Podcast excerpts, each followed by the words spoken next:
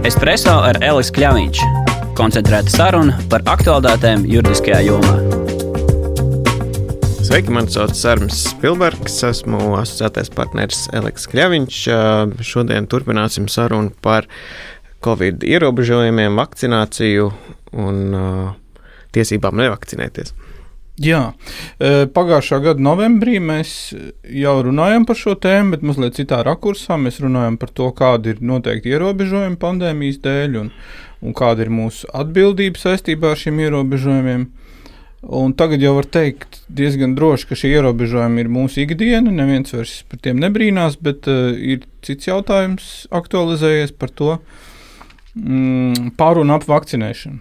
Visvairāk jautājumu.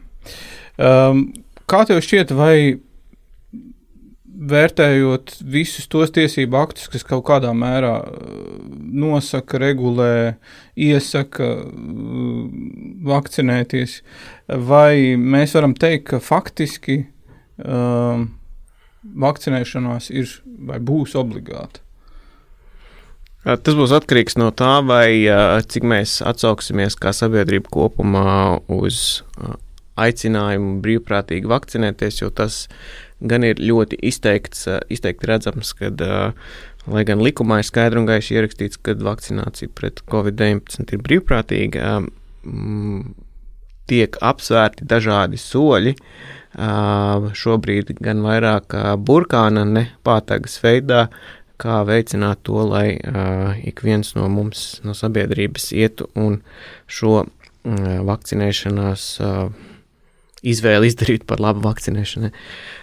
Proti, mēs redzam, ka jau ir grozījumi tiek izstrādāti, ja priekšlikumi tiek celt augšā arī no Latvijas puses, kur um, Latvijas loto varētu organizēt loteriju ar um, miljonus eiro vai cik balvu uh, laimestu tiem, kas vakcinēsies. Tāpat tās tiek apsvērti dažādi atvieglojumi uh, vai kad, uh, ja darba, ja darbiniekam ir kaut kādi blakus efekti no vakcinēšanās, tad uh, viņam tiek iedota apmaksāta brīvdiena un tam līdzīgi. Tā kā uh, valdība šobrīd. Uh, Šobrīd vēl, uh, kamēr uh, interese ir liela un uh, mēs bezmazliet esam uh, teiksim, priekšējās pozīcijās Eiropā uz brīvprātīgu vakcinēšanos, proti, katru dienu diezgan daudz cilvēki dodas un to dara.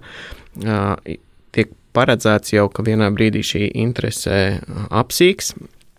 Un, uh, tas ir jautājums, vai tā interese apsīks pie brīža, kad būs sasniegta šī pūļa imunitāte, vai mēs vēl būsim tālu no tā.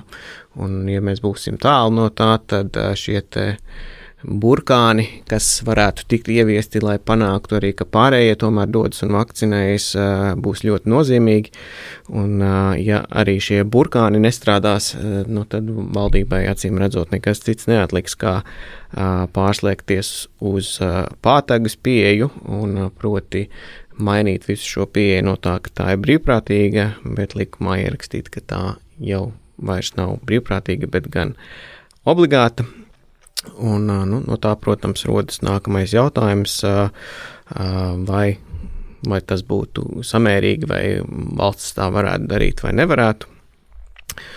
Un, un šajā sakarā ir pavisam nesen, kā Eiropas cilvēktiesība tiesa lēmusi vienā lietā, kur izskatīja pieteikumu, kas nāca no Čehijas, kur Čehijā bija ieviesti likumi gan nesaistībā ar covid, bet principi jau būs tie paši. Proti, Čehijā bija noteikts, ka bērniem ir obligāti jāizpild minimālā vakcinēšanās programma, un vecākiem varēja uzlikt administratīvo sodu, ja viņi savus bērnus neveda uz šo vakcinēšanos. Proti, neviens jau policija jau nebrauc pa mājām un piespiedu kārtā nevienu neturēja un tās potes neievadīja, bet, bet nu, bija šis sots paredzēts. Un vēl viens aspekts bija, kad bērnus neuzņēma bērnu dārzā. Ja? Ja šīs potes nebija izdarītas. Attiecīgi vēlāk skolā gan uzņēma, bet bērndārs gan nebija pieejams tiem šiem bērniem. Un, protams, tad Čehijas pilsoņi apstrīdēja, ka tā, tas aiz, aizskar viņu tiesības uz o, nevakcinēšanos, jeb ierobežo viņu tiesības pašam noteikt par savu veselību lemt. Bet Eiropas uh, cilvēktiesība tiesa uz to atbildēja, ka uh, demokrātiskā sabiedrībā ir tiesības personām ir jālīdzsvaro, un tavas tiesības nevakcinēties tajā brīdī, kad viņas saduras ar pārējo sabiedrības tiesībām un interesēm nesaslimt, arī var tikt ierobežotas. Protams, ir jāiemēro kaut kāds samērīgums, proporcionalitāte un, un tam līdzīgi. Bet, nu, lūk, tas sausais atlikums, ja tā varētu teikt, ir tas, ka uh, um, Eiropas cilvēktiesību tiesas līmenī ir atzīts, ka vakcinēšanos pēc būtības var padarīt par obligātu, uh, un uh, attiecīgi arī no tā izriet, ka, uh, piemēram, ja mēs nesasniegsim pūļu imunitāti šobrīd ar brīvprātīgu pieeju, tad uh, nu, tie, šie burkāni varētu tikt arī pārvērsti par pātagām kādā brīdī. Bet saki, vai ar šo tiesas spriedumu, Eiropas cilvēktiesību tiesas spriedumu ir gana, lai Restīvi, vai Latvija to var izmantot, kā veidojot savu likumdošanas bāzi, ejot uz šo obligāto vakcinēšanos? Jo es nevaru iedomāties, kas tad būtu tas, tur droši vien varēs labāk zināt, kas, kas, kas būtu tas tiesiskais ietvers, kā to obligātumu panākt. Protams, tas, tas vienkārši, ja līdz. Uh, Līdz šim, kamēr nebija šis spriedums pieejams, arī un vakcīnas pat nebija parādījušās, vēl viņas bija tikai tuvumā, proti, kad mēs ierakstījām iepriekšējo epizodu pagājušā gada nogalē, jau bija kaut kur šie jautājumi uzdoti, un, manuprāt, satversmes tiesas tiesnesēja Osipovai šis tika uzdots, un viņi teica, ka nu, viņi īsti neredz, ka to varētu padarīt kā obligātu, ka tas varētu būt pretrunā satversmei, bet nu, varbūt kaut kur kaut kā šauri kaut kādām konkrētām sabiedrības grupām. Nu, proti, ja šobrīd likumā ir skaidri un gaiši ierakstīts, ka tas ir brīvprātīgs process, tad šis cilvēktiesību tiesas spriedums dod tādu kā, nu, varbūt ne pamudinājumu, bet drošības sajūtu, ka, ja būs nepieciešams, tad šo likumu var grozīt un šo vārdu brīvprātīgs aizstāt ar vārdu obligāts un attiecīgi domāt par dažādiem paņēmieniem, kā šo obligātumu nodrošināt. Piemēram, jā, nu, iet runa par varbūt kādiem mediķiem, kas atsakās vakcinēties un tādējādi apdraud pacientus, kas tur ārstējās medicīnas iestādēs, kad viņiem varētu pateikt uz redzēšanos, vai mēs jūs nomainām jūsu amatu pozīciju. Nu, proti, darbtieskajās attiecībās varētu parādīties kaut kādi kaut kādas tiesības darba devējiem attiecībā pret šiem darbiniekiem. Nu, kaut, kā, kaut kādā veidā neļaut viņiem tik brīvi izpausties, varbūt viņiem būs jāpaliek strādāt no mājām, nu, prot, kaut kāda tāda, bet tā, tie, tie paņēmieni varētu būt dažādi. Galvenais, ka uh, viņi būtu vienkārši jāievieš likumdošanā, pasakot, ka, nu, ja tu nevakcinējies, tad ir rezultāts šāds. Nu, un tad uh, tam rezultātam tad, uh, vienkārši vajadzētu būt samērīgam attiecībā uz kaut kādu konkrētu situāciju. Okay. Tas ir vairāk tāds iedrošinājums valdībām, ka nu, nevajag baidīties varbūt, kad lūk, visi cilvēki tagad uh, skries pa vietējām satversmes tiesām, sūdzēsies, un tas viss process apstāsies, un ka to nevar. Proti, uz to jautājumu jau ir kaut kādā mērā atbildēts, ka nu, tomēr var. Labi, bet runājot par šīm darba tiesiskajām attiecībām, uh, nu, kamēr visi vēl nav publicējuši Facebookā bildes ar to, kā viņi ir nu, pat vakcinējušies, vai arī nav publicējuši to, ka viņi ir pret. Uh, darba devējiem varētu būt jautājums vienā brīdī, nu, cik no tā mana kolektīva, no tiem maniem 200 darbiniekiem ir to izdarījuši un cik nē. Ko viņš drīkst prasīt, nedrīkst neko, ko viņš drīkst uh, attiecībā um, pret saviem darbiniekiem, ar kādu informāciju viņš drīkst iepazīties un pieprasīt. Nu jā, pavisam nesen mums arī tika ieviesti šie pirmie atvieglojumi vakcinētajām personām, un viens no tiem ir, kad kolektīvos līdz 20 cilvēkiem, kur visi ir vakcinējušies, ka tad drīkstētu nevalkāt šīs sejas maskas un neievērot šos divu metru distances prasības un tam līdzīgi, kā, kā piemēram tādos atvērtā oficiāla tipa risinājumos, kur uh, tas nozīmē faktiski, ka tikai katru otro darba vietu varētu izmantot. Ja, nu, tad, tad tagad to it kā, ja visi ir vakcinējušies, nu, tad var atgriezties visi kopā. Nu, tas, protams, neizbēgami nozīmē to, ka darba devējiem ir jāvar pārliecināties, ka tie visi, uh, kas man te sēž, ir uh, vakcinējušies. Savādāk man ir jāprasa viņiem tomēr tās maskas vilkt un sēdēt ar šo distanci.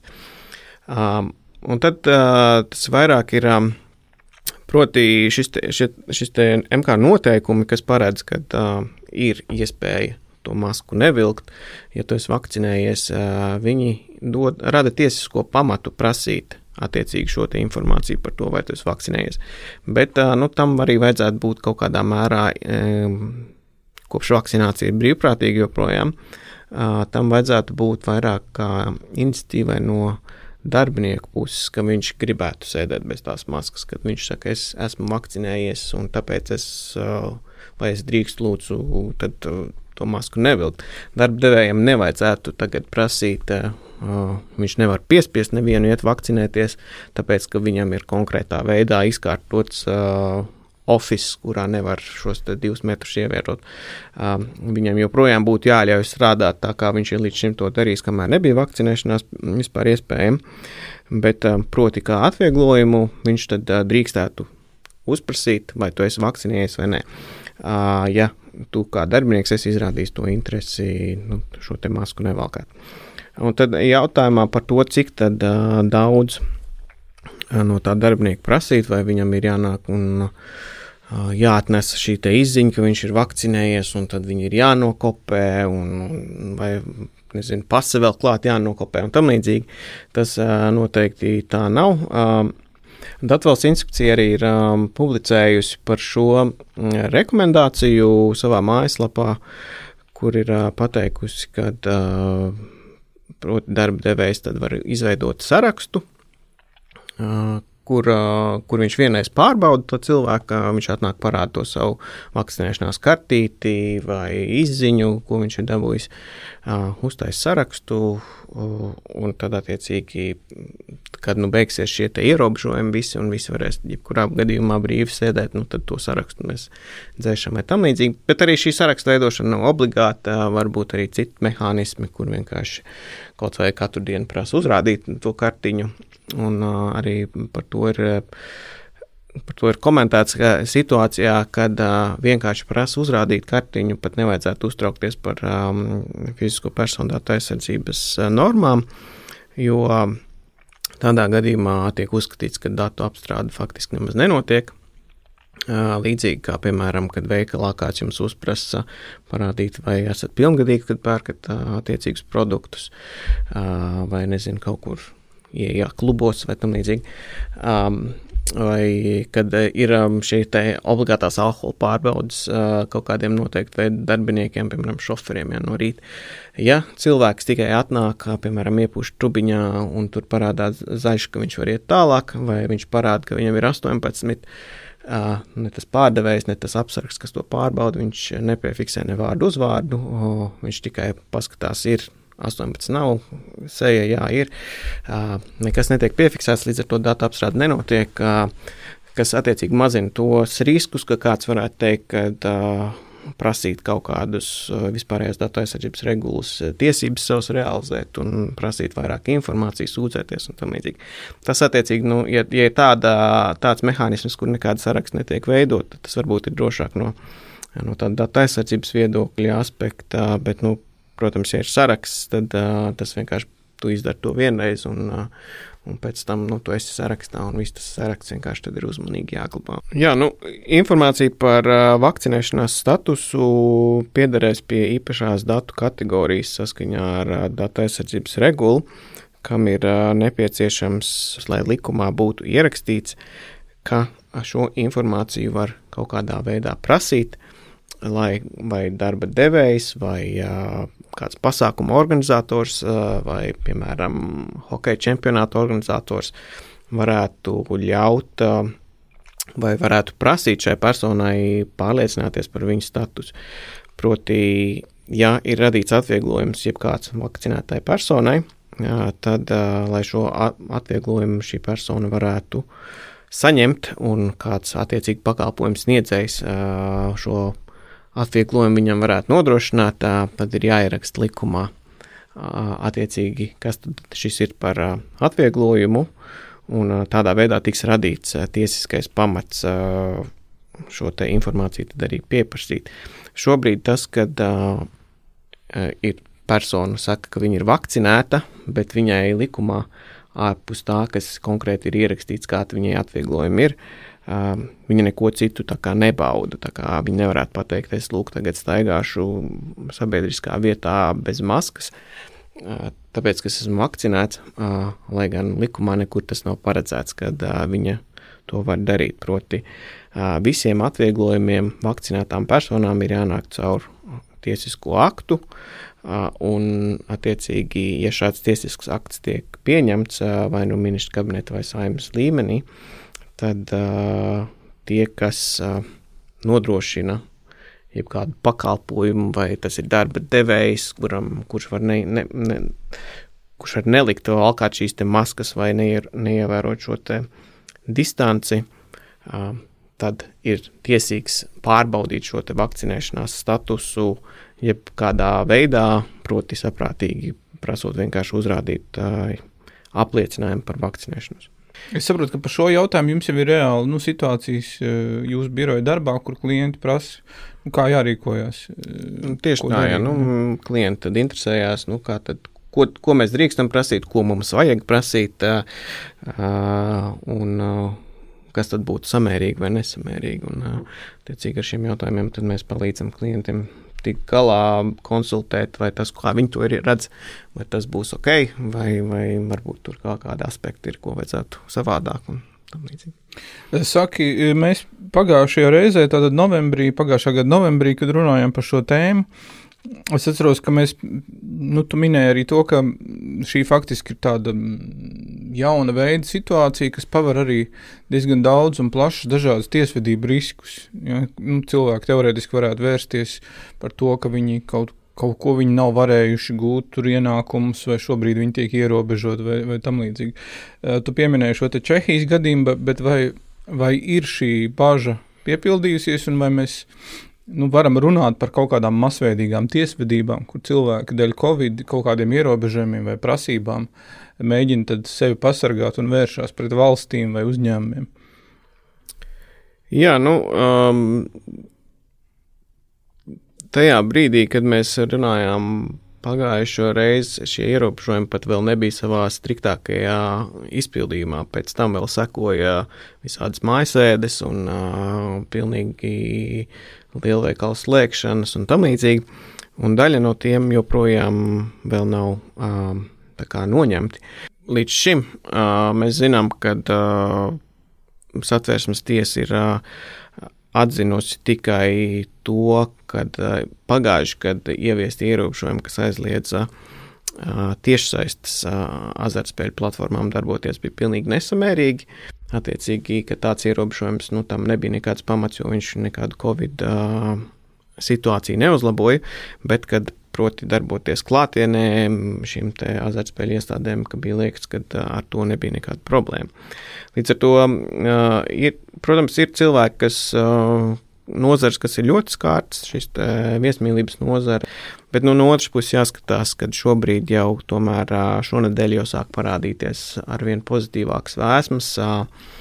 Ja maija sākumā vēl sāk, kāpa saslimtības rādītāji, tad nu, jau maija beigās viņi sāk kristies un pirmie atvieglojumi tiek ieviesti. Līdz ar to gaidāms, ka nu, teiksim, uz kaut kādu jūniju vidu visticamāk, ka visi tie, kas šobrīd viskaļāk bļauj, ka viņiem tiek darīts pāri, kad uh, viņiem vairs nebūs aktuāli, un tās uh, lietas, kas būs ierosināts, viņas varbūt kaut kādā brīdī arī izskatīs, bet uh, uh, nu, es domāju, ka mēs būsim atgriezušies pie nedaudz varbūt normālākas dzīves, ja tā var teikt, ap, ap jūliju, augustu, kad uh, daudz maz visi varēs strādāt. Uh, varbūt ne pilnībā bez ierobežojumiem, bet, bet būs iespēja strādāt un nebūs um, nebūs tā kā pilnīgi liekts. Nu jā, bet ja būs šī obligātuma prasība, tad atkal ir nākamais e, riska vilnis, jo mēs labi zinām, cik daudz tomēr ir skeptiski cilvēku. uh, par un ap vakcinēšanos, un ja man ir tie 2000 cilvēku kolektīvā, un ja es visiem tagad prasu uzrādīt, tad droši vien, ka man tur būs nu, atbilstoši tam skepsis līmenim sabiedrībā kopumā savu 10, 15, nezinu, procentu, kur uzskatīs, ka tas ir klajšs pārkāpums un mēģinās kaut kā sevi sargāt. Un kaut kāda mehānisma droši vien, šiem cilvēkiem būs. Jā, nu tāpēc, es, tāpēc par to iet runa, ka šobrīd ir atvieglojumi vakcinētajiem, un tie, kas nav vakcinēti, tie visi turpina ievērot ierobežojumus. Un tas tad attiecīgi tad varētu turpināties, kad, nu, ja tu negribi iet vakcinēties, nu, tad tu turpini strādāt, kā tu esi strādājis līdz šim pēdējā gada laikā vai pēdējā pusgada laikā, pareizāk sakot. Nu, ka tu turpini valkāt to savu masku, tu turpini ievērot šo distanci. Nu, varbūt es nezinu, kā, kā nu kurā nozarē, piemēram, nezinu, ja tas ir sabiedriskais transports, tad joprojām tiek šīs sienas aizsargas, sienas vai maskas jau tiek lietotas un tam līdzīgi. Um, šobrīd um, tiek atvieglot dzīve tiem, kas vakcinējās, tiek, uh, viņiem tiek doti šie burkāni. Um, pārējie it kā ievēro mm, kā maksimālu piesardzību. Uh, nu jā, un uh, tad uh, arī, arī mūsu prezidents ir uh, šonadēļ presē teicis, ka nu, tas, kad kādam vakcinētajiem kaut ko atvieglo, nenozīmē, ka kaut kas tiek atņemts tiem, kas nav vakcinējušies. Tie kā, saglabājās tajā pamatlīmenī un vienkārši tiek dotas kaut kādas privilēģijas citai grupai, bet tas tavs, tavs pamattiesības, tavs cilvēktiesības neietekmē, ka kādam tiek dotas kaut kādas privilēģijas saistībā ar to, ka viņš ir izdarījis šo izvēli par labu vakcinācijai. Paldies! Jā, es ceru, ka šī otrā mūsu saruna par pandēmijas un covid-19 raisītajām situācijām arī būs pēdējā par šo tēmu. Mums nevajadzēs risināt vēl kaut kādus jaunus, vēl kāzus, tiesiskus potenciālus vai jau reālus. Un kamēr Latvijā mēs varam vērot diezgan strauju, tad pagaidām tas viss notiek brīvprātīgi, strauju šo vakcinēšanās tempu pieaugumu, kas mums bija viens no lēnākajiem Eiropā, bet šķiet, ka šovasar mēs varētu panākt arī savus kaimiņus un citus Eiropas valsts, tad tik ilgi šķiet, ka mums būtu pilnīgi gan ar dažiem valdības vai, vai arī uzņē, uzņēmēju uzmundrinājumiem, uh, kas strādātu kā tāds motivējošs vakcinēšanās palīgs. Uh, un varbūt, kas zina, varbūt Latvijai nemaz līdz, ne līdz kādiem obligātām prasībām šajā jomā nebūs jānonāk. Espreso ar Elisu Kļāviņš. Koncentrēta saruna par aktuālitātēm juridiskajā jomā.